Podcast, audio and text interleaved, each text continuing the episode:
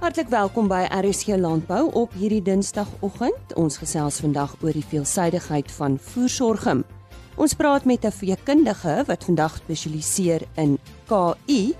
Dan ontmoet ons 'n nuwe toetreder tot kommersiële landbou en ek het by 'n onlangse Agbus inligting sessie vir Dr John Purchase gevra, waar staan landbou op die oomblik? Goed, ons gesels vanoggend weer met Agricol en ons gesels met hulle landboukundige Hubert Swanepoel en uh, ons fokus vandag op die veelsidigheid van voersorgem. Nou, ons weet almal dat voersorgem 'n uh, weidingsgewas is, maar uh, Hubert, wat maak voersorgem so 'n gewilde somerweidingsgewas? Dis hallo Lisa, dit is lekker om om met julle te kan gesels vanoggend. Man, voersorgem is is die gewildste eenjarige somervoergewas Dit is drie redes daarvoor. Die eerste een is hy's baie aanpasbaar wat beteken hy kan eintlik reg oor Suid-Afrika geplant word. Ehm um, jy weet van die van die koue ooste, die natter Natal tot aan die verre droë weste waar dit waar dit baie baie droog is, plant boere dit selfs onder droëland met groot sukses.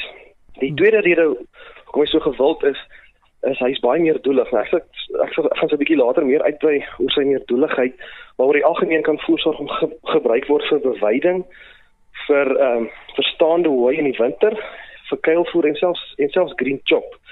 En dan die derde rede hoekom hy so gewild is, is dat sorg om oor die algemeen het 'n paar droogteweerstandbiedende eienskappe. So as mens as mens as mens sorg om vergelyk met mielies het sorg om 'n baie fyner vertakte wortelstelsel wat beteken dat in in baie swaarder gronde kan kan sorgem meer vog onttrek vanaf die klei partikel. OK.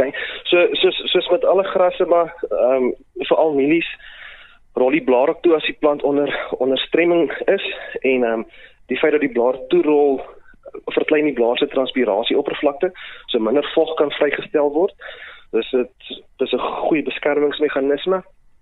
Ehm um, en dan en natuurlik sorg om oor die algemeen het 'n het 'n wasagtige laag bo op die blaar wat ook teen vogverlies keer en en daai laagie keer dat die blaar nie uitdroog nie. En dan ek dink een van die belangrikste eienskappe of droogteweerstandbiedende eienskappe is dat dat dat voersorge met 'n te lae transpirasie tempo. Nou wat lae transpirasie tempo beteken is dit is die die hoeveelheid water wat nodig is om 1 kg droommateriaal te kan produseer. So nou weer eens as mens nou voersorge met mielies vergelyk, mielies benodig 170 kg water om 1 kg droommateriaal te kan produseer, waar voersorge slegs 140 kg nodig het vir 1 kg droommateriaal. Hmm. So so wat droogteweerstand hierdie eienskappe betref is is voersorg is voersorg seker een van die beste gewasse om om te kan aanplant. Nou ek is seker Joubert, daar's heelwat verskillende tipes voersorge. Miskien moet jy dit net uh, met ons bespreek. Ja Lisa, daar mense kyk oor die algemeen of as ek nou praat van die agricol pakket het ons eintlik drie verskillende tipes voersorgings.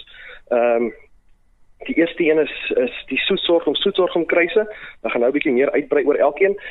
Dan die tweede een is die sorghum Sudan kruisvoersorghums en die derde een is nie regtig 'n 'n sorghum spesies nie, maar hy's ook 'n eenjarige somervoergewas en dit is Babala.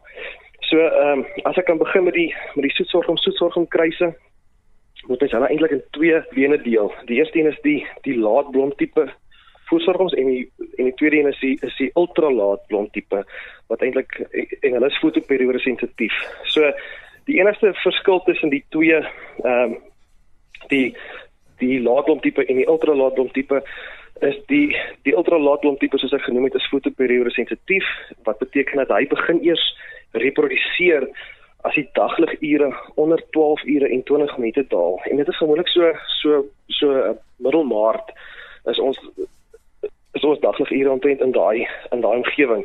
So wat beteken ultra laat blom tipe voersorgings kan kan nog die laat herfsreën baie baie goed benut waar die laatblom tipes dit nie altyd gaan gaan kan doen nie. En dit is ook hoekom die die laatblom tipes of die die ultra laatblom tipes so goed is vir vir vir alkuilvoer.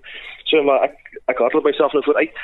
Ehm um, die soetsorg en soetsorg voersorg om kruise. Hulle is jou mees meer doeligste voersorg om spesies. So ehm um, hulle kan gebruik word vir herhaaldelike beweiding vir kuilvoer en veral vir staande hooi, nê. Nee, so as mens nou net vanaand praat oor oor kuilvoer, baie boere wonder altyd wat is die verskil tussen tussen mieliekuilvoer en voedselsorg van kuilvoer. Uh nou die verskil is is, is, is eintlik baie klein as mens twee twee voedselsorg om uh of twee analises vergelyk, dan dan is die enigste verskil tussen voedselsorg en en, en mieliekuilvoer eintlik dat mieliekuilvoer 'n hoër stysel inhoud omdat omdat voedselsorg nie regtig baie baie graan graan produseer nie. So dis enigste regtig regtig 'n groot verskil. Voedselsorg en kuilvoer is intedeel baie goedkoper om te produseer omdat sy insetkoste baie laer is as mielies. So die kunsmis is 'n bietjie minder uh en die saadkoste is is aansienlik minder vir voedselsorg. So en dan wat staande wy beteken uh, vir wie wat nie weet nie, dit is nou winterbeweiding.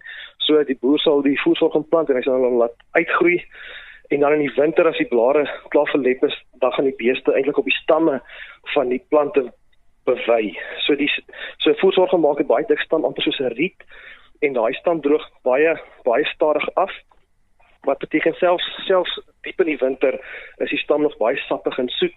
So so die diere bewei eintlik net net net op die plante se stokke. Hmm, hmm. Dan die volgende die volgende groep waar ons wil praat is die sorgings so dan kruisvoersorgings.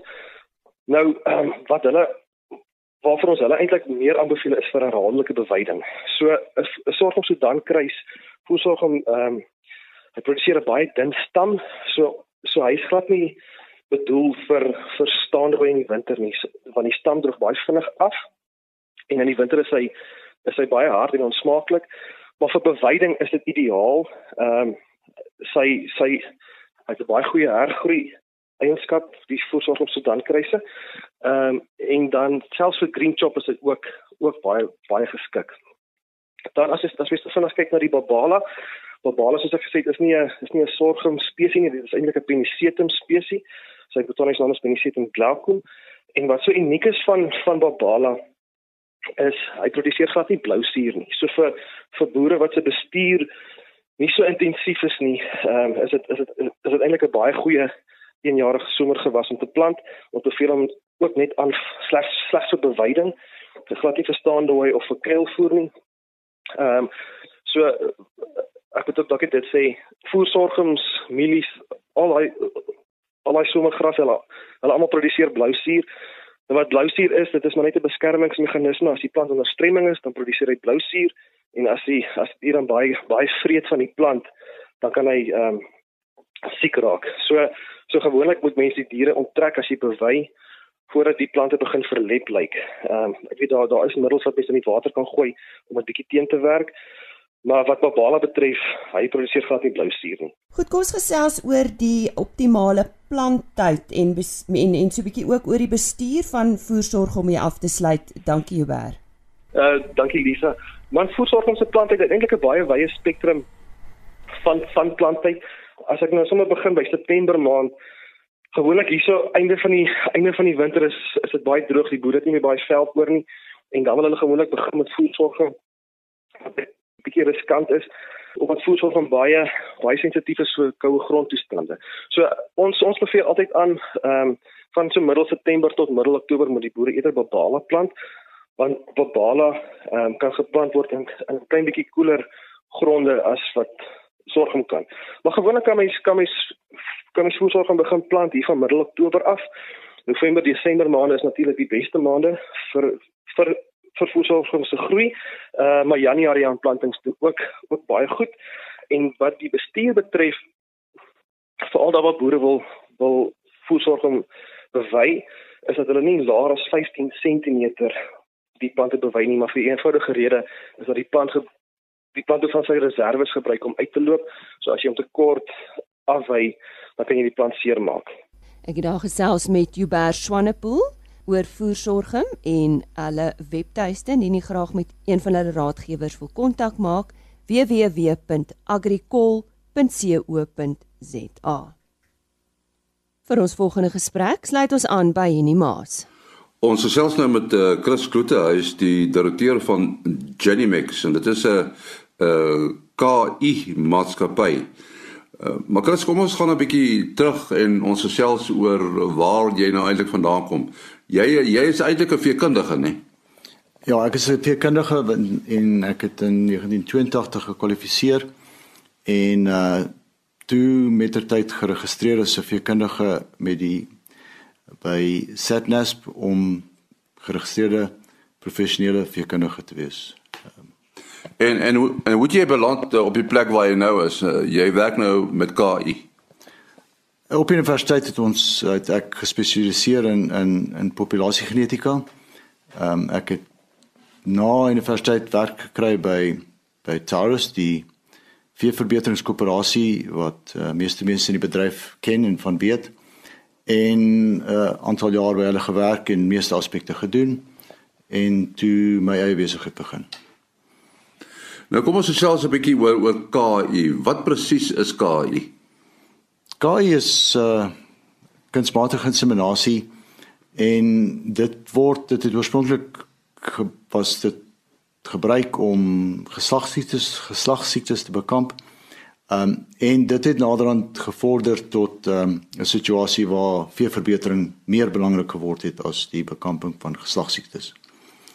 En en KI hier in Suid-Afrika, hoe lank word dit al gedoen? As ek reg is, dit dit in die 50's begin. Uh, ek is nie baie seker van die begin datum nie. En nou goed, uh natuurlik uh, produksie is op jou en die belangrikste ding en dit is seker dalk die uiteinde van van enige KI proses. Uh KI word wyd gebruik in ons land, nê? Nee. KI word nie so wyd gebruik as wat moontlik kan gebruik word nie. Daar is nog groot hoeveelhede koeie in die suiwelbedryf wat wel met deur bulle gedek word. Ehm um, dit is as 'n gevolg van die groottes van die kuddes en bestuur van KI in 'n kudde. Nou die die die bulsaad, uh, dit moet nou van 'n plek af kom. Is dit plaaslik of van waar af kom dit? Die bulsemen wat tans in Suid-Afrika verkoop word is 'n baie groot persentasie daarvan word ingevoer van vanaf uh, ander lande waar daar groot teelprogramme is. Daar is 'n uh, persentasie daarvan wat plastiek uh, geproduseer word. Ongelukkig is daar nie data wat vir ons kan sê wat se persentasie van waar kom nie. Uh dit die data bestaan net nie. En in die plekke waar dit geproduseer word in die wêreld, waar is dit nou? Sekerlik waarskynlik Amerika. Ja, daar's ehm um, verseker uh, maatskappye wat semen invoer van Amerika. Dit is groot groot populasies van beeste en uh natuurlik lande soos Kanada en dan ook uh Europa en Nieu-Seeland die die ander lande binne Europa soos byvoorbeeld uh Denemarke en Finland, Swede, Holland, uh die Nederland, Duitsland, Italië. So daar word van van groot dele van die wêreld ehm um, wat gevestigde suiwelpopulasies het, word dit ingevoer. Nou die uh, noem dit nou maar die mededinging hier in die land om bulsaad aan boere te verkoop. Die die seker nogal straf. Die kompetisie vir die verkoop van semen is baie groot in die land. Ehm um, dit is 'n dit is 'n verskriklike in Engelse overtraded uh bedryf. Uh, daar is wêreldwyd 'n oorskot van bulsemen beskikbaar. Ehm um, wat nou die oorskot word nou groter nou dat daar meer en meer gen, sogenaamde genomiese bulle beskikbaar gestel word. Nou uh, as as jy nou 'n boer benader, hoe hoe sou jy nou vir hom sê hoekom moet hy van jou dienste gebruik maak? Ons baseer baie van ons uh, verkoopsaktiwiteite op die verkoop van eienskappe wat van groot finansiële belang is vir die kudde sodat dit kan groei finansiëel en 'n beter kudde word en 'n meer effektiewe uh, kudde word. Dit is die benadering gaan ook oor die verkoop van van wat ons noem in Engels value traits uh wat uh gaan oor goed wat wat van finansiële belang is um wat mastitis kan verminder wat be beter hoewe en bene teel. Uh dit is ons benadering en dit was van die begin af ons benadering in die bedryf. So so die sogenaamde mooi koei benadering, die speel nie so groot rol nie. Dis 'n wonderlike ding om te sê die mooi koei. Ja, almal wil 'n mooi koei hê. Maar ek dink 'n populasie van gesonde, vrugbare beeste is baie baie meer belangrik vir die land se vee veestapel as wat die individuele mooi koeie is. Ons sou wel mooi koeie teel, maar die klem bly nie op die mooi koeie nie, dit gaan oor finansiële belangrike eienskappe. So natuurlik wat baie belangrik is is uh, wat gebeur met die saad en uh dit word nou geïnsemineer en dan gaan dit oor die nageslag wat die kwaliteit van die nageslag is. Ja, die, dit is dit is waaroor dit gaan, die kwaliteit van die nageslag. Uh maar dit gaan ook oor kwaliteit van groot getalle nageslag wat die populasie skuif in 'n positiewe rigting vir die eienskap wat belangrik is en almal sien ander eienskappe as belangrik. So dit is dis moeilik om te sê die populasie gaan al, altyd vorentoe vir alles wat nie gemeet word nie. Ja, jy praat nou van die eienskappe wat belangrik is. Eh, elke boer is mos maar koning op sy eie plaas. So jy teel vir spesifieke eienskappe, né? Nee? Ja, beslis die die kliënt word uh onderhoud mee gevoer en daar word bepaal wat is sy behoeftes en wat is sy langtermyn visie van sy kudde. En langtermyn praat ons nie van 2 en 3 jaar nie, ons praat van 10, 12, 15 jaar. Want jy kan net 'n kudde verander as jy vir 'n lang tyd die regte produk verkoop. En dis nie baie opwindend nie dit is eintlik baie boring in in Engels want dit mens moet dieselfde ding aanhoudend doen vir 'n lang tyd om uit te kom waar jy wil wees so elke kliënt het sy eie behoeftes en daarvolgens sal ons belan om beskikbaar stel is dit nie een van die probleme nie dat ouens jy weet baie goue resultate wil hê en dan dan moet eintlik maar geduld in die dag lê. Geduld is 'n wonderlike ding. Um en veeteeling is ongelukkig iets wat baie geduld nodig het en en 'n duidelike visie, 'n duidelike teelbeleid wat ongelukkig al is dit daar op papier gestel sal daarvan afgewyk word. Dit word of gekritiseer of die produk word gekritiseer deur iemand anders en dan word dit af daarvan afgewyk en dan val die hele teelbeleid dan gaan dit agteruit weer.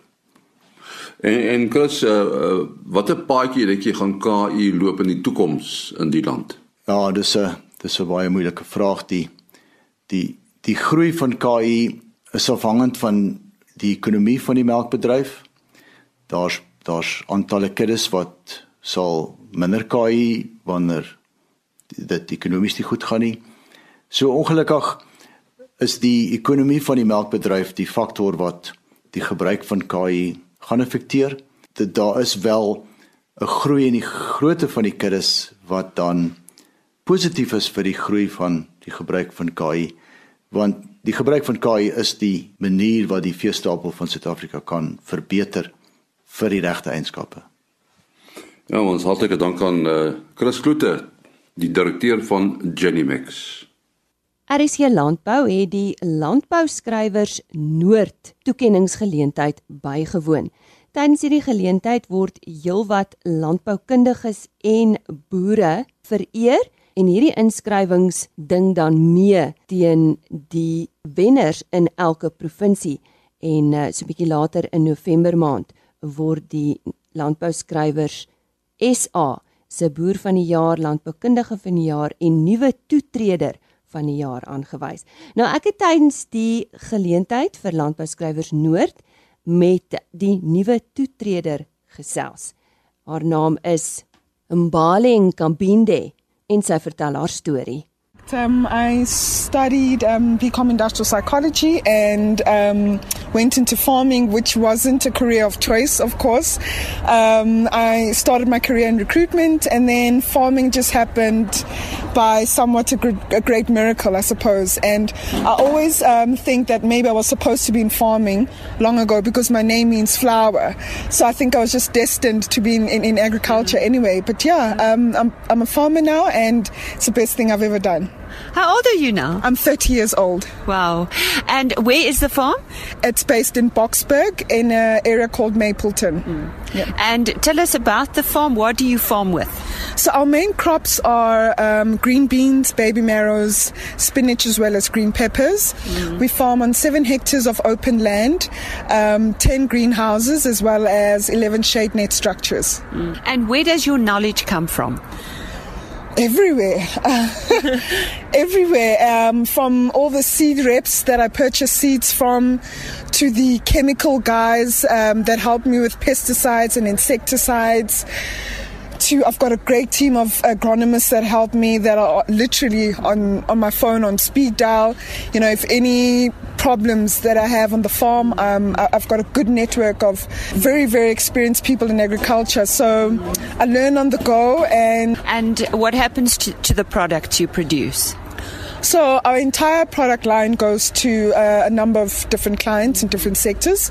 So established retailers, food processors, as well as the fresh produce markets. Mm-hmm. Yeah. And why did you decide on these specific crops? Because they're higher value. Um, you know, around my area there are three large commercial farmers, and they predominantly farm cash crops like spinach, um, onions, beetroot, um, cabbage as well. And I thought, you know, I needed to be different. I mean, my land is very small compared to what they're farming on. And I just wanted to be different and I wanted to um, farm crops that fetch a higher value in the market. Mm-hmm. And I chosen that. And, um, you know, green beans are such a joy to farm. I think yeah, they give, they require little effort, and then mm. you have peppers on the other scale where you know they need a lot of nurturing and tender mm. care, I suppose. But yeah, um, that's that's the reason why I farm those particular four. But the land, it's not your land. No, it's not. We're leasing it for ten years, and um, we but have. You wish it was. Oh, I wish it was. We have. We actually have a first uh, buying right option, but mm. currently we're leasing it for ten years. Yes. Mm-hmm. Where would you like to go? Where do you see yourself in five years? Um, going bigger. Um, and bigger for me is, you know, I'd love to have like plus minus 30 to a 50 hectare farm. If I could have five hectares of that farm under greenhouse mm. or, or, or, tunnels, mm. you know, multi-span tunnels so that I can go really big on uh, um, peppers mm. and farm throughout the season, that will be mm. fantastic for me. Mm. Um, you know, a lot of people have always said maybe going to agro processing and so forth, and I don't think that's really the line for me or for, for Green Terrace. I really just want to be an exceptional farmer and, and stay in primary farming and, yeah, just going bigger in terms of scale and more intensive. And you have, uh, you create jobs for quite a few people. Certainly. There are a number of people that I employ from the informal settlement nearby. So we've got a full time team of seven, and um, I employ anything between 10 and 20 um, females during harvesting season. Yeah.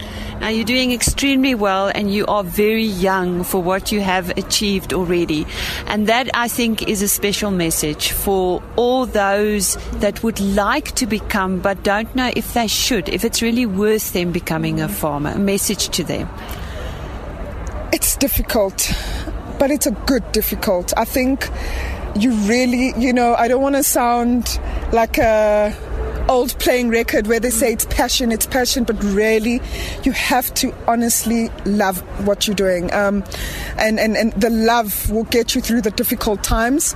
Farming is difficult because you're, you're managing so many things, external forces that are beyond your control. Climate change could be one of them. But nevertheless, um, you know, if you really want to do it, go for it. Because for me, it's something that I, I never dreamed of. Be, it's it's an industry I never even dreamed of being in. I mean, when I first heard about the concept of farming, I was like, "What? People could do that for business and live?" You know, I mean, the the closest thing I knew to farming is back at home, uh, a family home in KZN, where you know there'll be a small kraal in the in the in the family homestead. But I didn't really think it could be a business. You know, so yeah, the concept of farming was very new to me, but when I went in, it's just uh, amazing. So, message to the youth: you've got to love it, and you've got to be it for the long haul. Um, it, nothing comes quick, um, and it's it's really not a sprint. It's definitely a marathon, but a well worth marathon. Nou ja, merkwaardig op 30-jarige ouderdom, dit was dan die nuwe toetreder tot kommersiële landbou wat aangewys is by die landbouskrywers Noordgeleentheid en haar naam is Mbali Ngabinde. RSG Landbou het verlede week 'n Agbus inligtingsdag bygewoon. Verskeie rolspelers in landbou het ons toegespreek. Die beleggingsomgewing en kommoditeite, uitdagings en beleidsveranderinge en besigheidsvertroue in die landbousektor as ook geleenthede vir groei is aangespreek. Ek het na afloop van die verrigtinge met die hoofuitvoerende beampte van Agbus Dr. John Purchase gesels en vir hom gevra om net op te som waar staan landbou nou. Da, ek dink dis onsekerheid tye in landbou want daar is onsekerheid rondom beleid uh en nuwe wetgewing en voorgestelde wetgewing en daar's nog nie uitklaring daaroor nie. En ek praat maar eintlik van die grond uh kwessie. Maar tog as ons kyk na die ontwikkelinge wat plaasvind en ons kyk na die statistieke vir hoe landbou nog groei en ons kyk na die geleenthede waar daar is, dan bly ons optimisties dat daar 'n baie goeie toekoms is vir landbou in Suid-Afrika, ook vir landbou in Afrika. Uh ons werk baie nou saam met die regering nouer as wat ons in die verlede gedoen het, want ons het beter toegang. Mense kry definitief uh, is baie sterk idee dat hulle vennootskappe met ons wil aangaan. Het sy dit deur die job summit is of het sy deur die uh, beleggings summit is wat ons ook nou gehad het. Uh privaat gesprekke, uh bilaterale gesprekke wat ons met die president gehad het en met senior ministers. En duidelik is uh begin daar 'n uh, gesamentlike visie eintlik ontstaan oor hoe ons 'n landbou of die landbouwaardeketting vorentoe moet vat, eintlik die hele ekonomie. En want ons moet ekonomiese groei aan die gang kry. Dit is prioriteit nommer 1. Die landbou kan 'n rol speel daarin. Nie die enigste sektor nie, maar hy kan 'n belangrike rol daarin speel. Ons is besig om 'n industrieplan op te trek en dit is wat die president vir ons gevra het.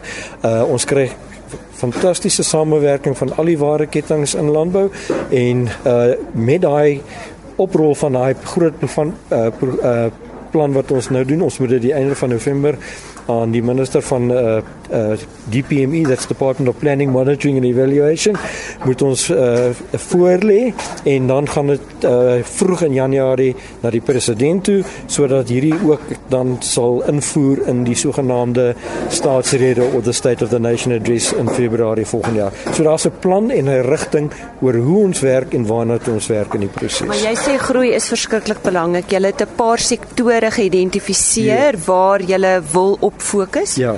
Ja, kyk ek dink daar's 'n hele paar sektore in die landbou wat groei en jy kan duidelik uit die grafieke sien dat daar's belegging in daai sektore en hulle groei party tot 6% per jaar.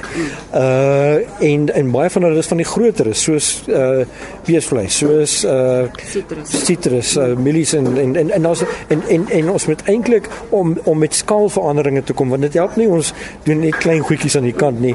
Dit moet op skaal wees wat ons die verandering teweegbring want dit kan ons uh, uh bruto binnelandse produk laat groei veral ook in landbou. So jy moet ook gaan teiken wat is daai sektore waar ons meer dingend is, waar ons belegging kan kan kry en waar ons ons markte kan groei en meer mense inklusief in ons waardeketTINGS inbring. En dit moet ons doelwit wees en dit is wat ons ook vir die president gewys het. Nou ja, ek kan nie verseker na afloop van hierdie verrigtinge was ons verseker dat daar tog nog 'n silwer randjie aan die landbouwolkie is. En dit was dan die stem vir Dr. John Purchase, die hoofuitvoerende beampte van Agbus. Sluit gerus weer môreoggend by ons aan, dan gesels ons onder andere met uh, Graan Suid-Afrika oor die koringproduksie in Suid-Afrika. Geniet die res van u dag en totsiens. RSG Landbou is 'n produksie van Plaas Media. Produksieregisseur Henny Maas. Aanbieding Lisa Roberts en inhoudskoördineerder Jolandi Root.